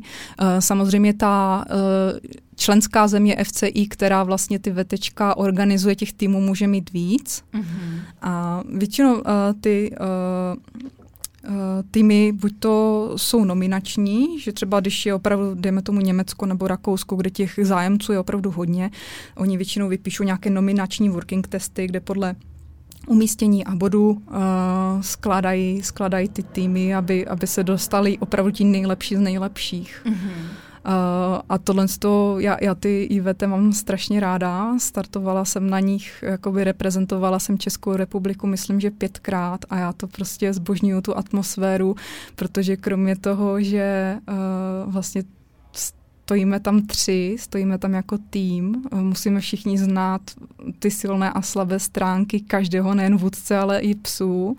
A nejlepší jsou opravdu disciplíny, kdy nám rozočí řekne, že si můžeme vybrat, kdo půjde pro který aport. A to je úplně uh, jakoby hraní šachu, jo. Prostě, hmm. hele, ty si ztratil hodně bodů na předešlé disciplíně, pojď uděláš si jakoby aport, vydvackuješ to a my radši ztratíme dva, tři body, ale prostě nažen, naženeš body ty a podobně. A tam třeba vlastně, i když uh, pes dostane nulu, nebo i všichni psi dostanou nulu, tak pořád se to jakoby sčítá jakoby do těch výsledků. Že tam, to ne, tam vlastně sice málo kdy se stane, že by jako nějaký pes z nulou jakoby vyhrál, že byl jako první v týmu, ale vlastně prostě sčítá se to jako celek nula, ne nula. Mm-hmm. Takže to jsou taková, taková jakoby, mm, dejme tomu, vysoká, vysoká meta, ale jako pro každého to může být opravdu něco jiného. Jasně. A když by se na to chtěl někdo jenom podívat, jak to vypadá, tak uh, jak to na těch závodech probíhá z hlediska toho, jestli se uh, nějak řeší, kam třeba někdo může, ano, nemůže, ano. jestli jsou tam ty lidi jenom sami s tím rozhodčím, nebo jak je tohle? Diváci, diváci jsou vždycky velmi vítání, vždycky i sama lidem doporučuju, pokud první nechcete startovat, jděte se podívat, ať jako vy si načíchnete ty atmosféry, ať se opravdu podíváte, uh, jak to tam vypadá a vždycky samozřejmě rozhočí určí, kde, kde můžou stát diváci uh, s ohledem na to, aby vlastně tam nepřekáželi mm-hmm. za, za, za tím startujícím týmem. Takže možný to je, není to tak, že by, že by jako Je to diváci... možný. Uh, většinou rozhodčí nemá rád, když se chodí dívat ti čekající, startující, ty posílá zpátky mm, do nějaké čekácí zóny, ale jako diváci samozřejmě vždycky jako by tam mají místo i fotografové, a, a podobně. Takže jako na to si taky pes musí kolikrát zvykat, jo? že tam najednou leží v trávě nějaký člověk s nějakým dělem. no jasně, no jasně. A předpokládám, že ty závody se konají jako téměř za jakýkoliv počasí asi, že jo? Že ano, tam jako úplně ano. není omezení nějaký. Velký. Já jsem ještě nezažila vetečka, které by byly zrušené kvůli, kvůli špatného počasí. A, ale jako naštěstí musím zaklepat, že jsem nezažila ani žádné úplně extrémní počasí, které by se nedalo vydržet. Jasně. No a ještě pojďme představit tu vaší knížku, která teďka nedávno vyšla. Než, než se dostaneme k těm bonusovým otázkám, tak ať ještě zmíníme tu, protože to je relativně novinka teďko. No, to jsme vydali, vydali teprve pár měsíců zpátky s Andrejkou Šimoníkovou. Uh, jmenuje se Training s Retrieverem, inspirace pro budování základů. My jsme to právě uh, primárně chtěli sepsat pro, pro lidi, právě pro nováčky, kteří se k tomu uh, tréninku s dámy teprve dostávají, plácají se uh, v těch uh, názvoslovích, co je co, neví přesně, jak to cvičit, cvičí to sami, nemají žádné vedení. Takže ta knížka je vlastně roz, rozdělena do tří hlavních kapitol. To je právě ta poslušnost a ovladatelnost, kde se věnujeme jednak tomu klasickému přivolání, uh, chůze na vodítku, jak psa naučit to zastavení na dálku, uh, nebo ten handling, protože vlastně ten handling není nic vlohového, ten handling je opravdu poslušnostní část, takže ten je právě v té poslušnosti a ovladatelnosti. A pak je tam ta vlohová část, ta druhá kapitola je o vlohách, kde právě ten pes uh, jakožto přirozený marker uh, vysvětlujeme, jak dál rozvíjet ten marking, te, to běhání na ty linie, to, to memory, rozvíjení mm-hmm. toho memory a hlavně ta dohledávka.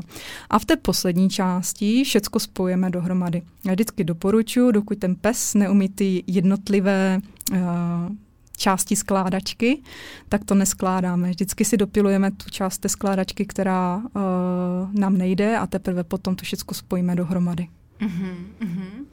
No dobře, takže ta je teďka k dispozici prostě úplně uh, nově čerstvě. Mm-hmm. Kdyby se někdo o tom chtěl dozvědět uh, víc, tak bude mít takový Může, prostě fresh informace. Přesně, může, můžete si to najít na, na Facebooku, přímo na stránce Training s Retrieverem, anebo na uh, webovkách www.trainingsretrieverem.cz, kde, kde tu knížku můžete rovnou i koupit.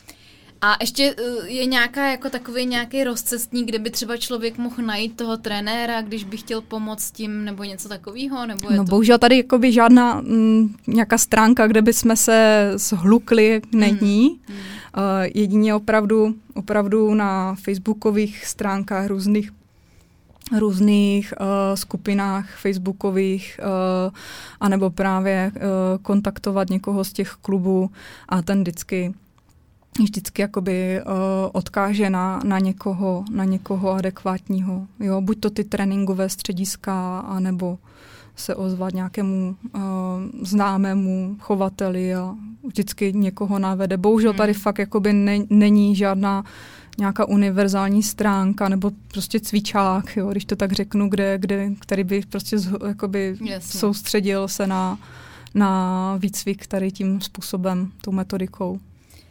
A kam by se podle vás měl ten sport, uh, kam by měl směřovat do budoucna? Jaká by byla taková ta ideální vize, jak by to tady mělo vypadat?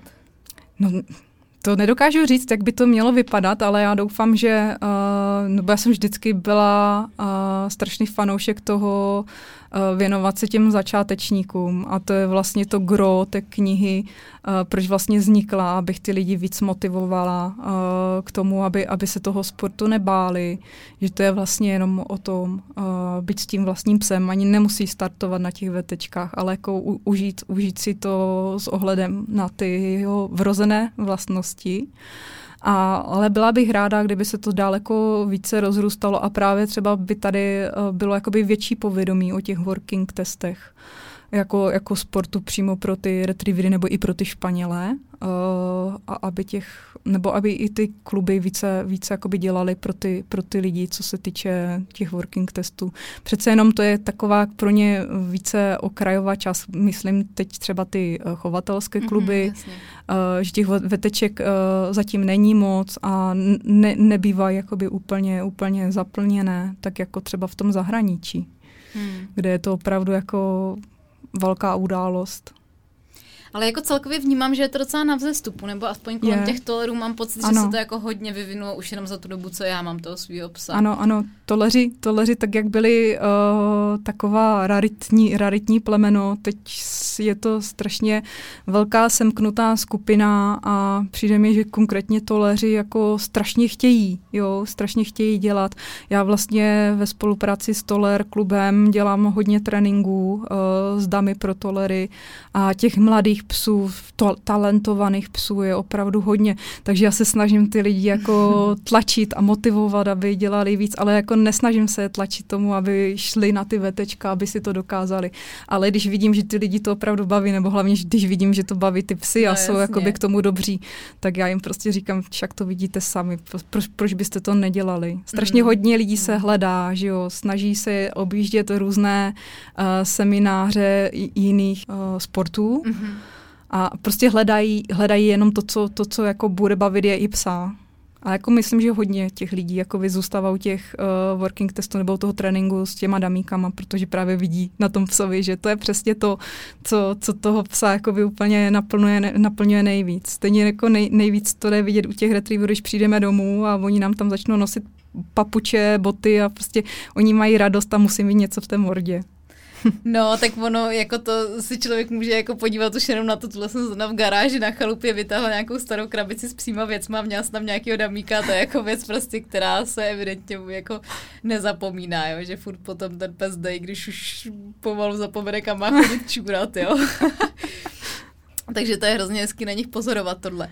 No dobře, tak se ještě jdeme teda vrhnout na ten bonus a pro tuhle chvilku vám moc krát děkuju, že jste přijela ještě ke všemu takovou dálku popovídat, ale myslím si, že zase jako je tam, je tam šance, že by to mohlo natchnout spoustu lidí, kteří mají doma retrievera vůbec nevědí, tyjo, co, co v něm vlastně dřímá, co by ho mohlo bavit. Tak já moc děkuji za pozvání. Tak se mějte krásně. Naschledanou. Nezapomeňte na to, že podcasty teď najdete včetně bonusové části na platformě Hero Hero. Takže mrkněte na stránku herohero.co lomeno a poslechněte si bonusovou část tohohle dílu.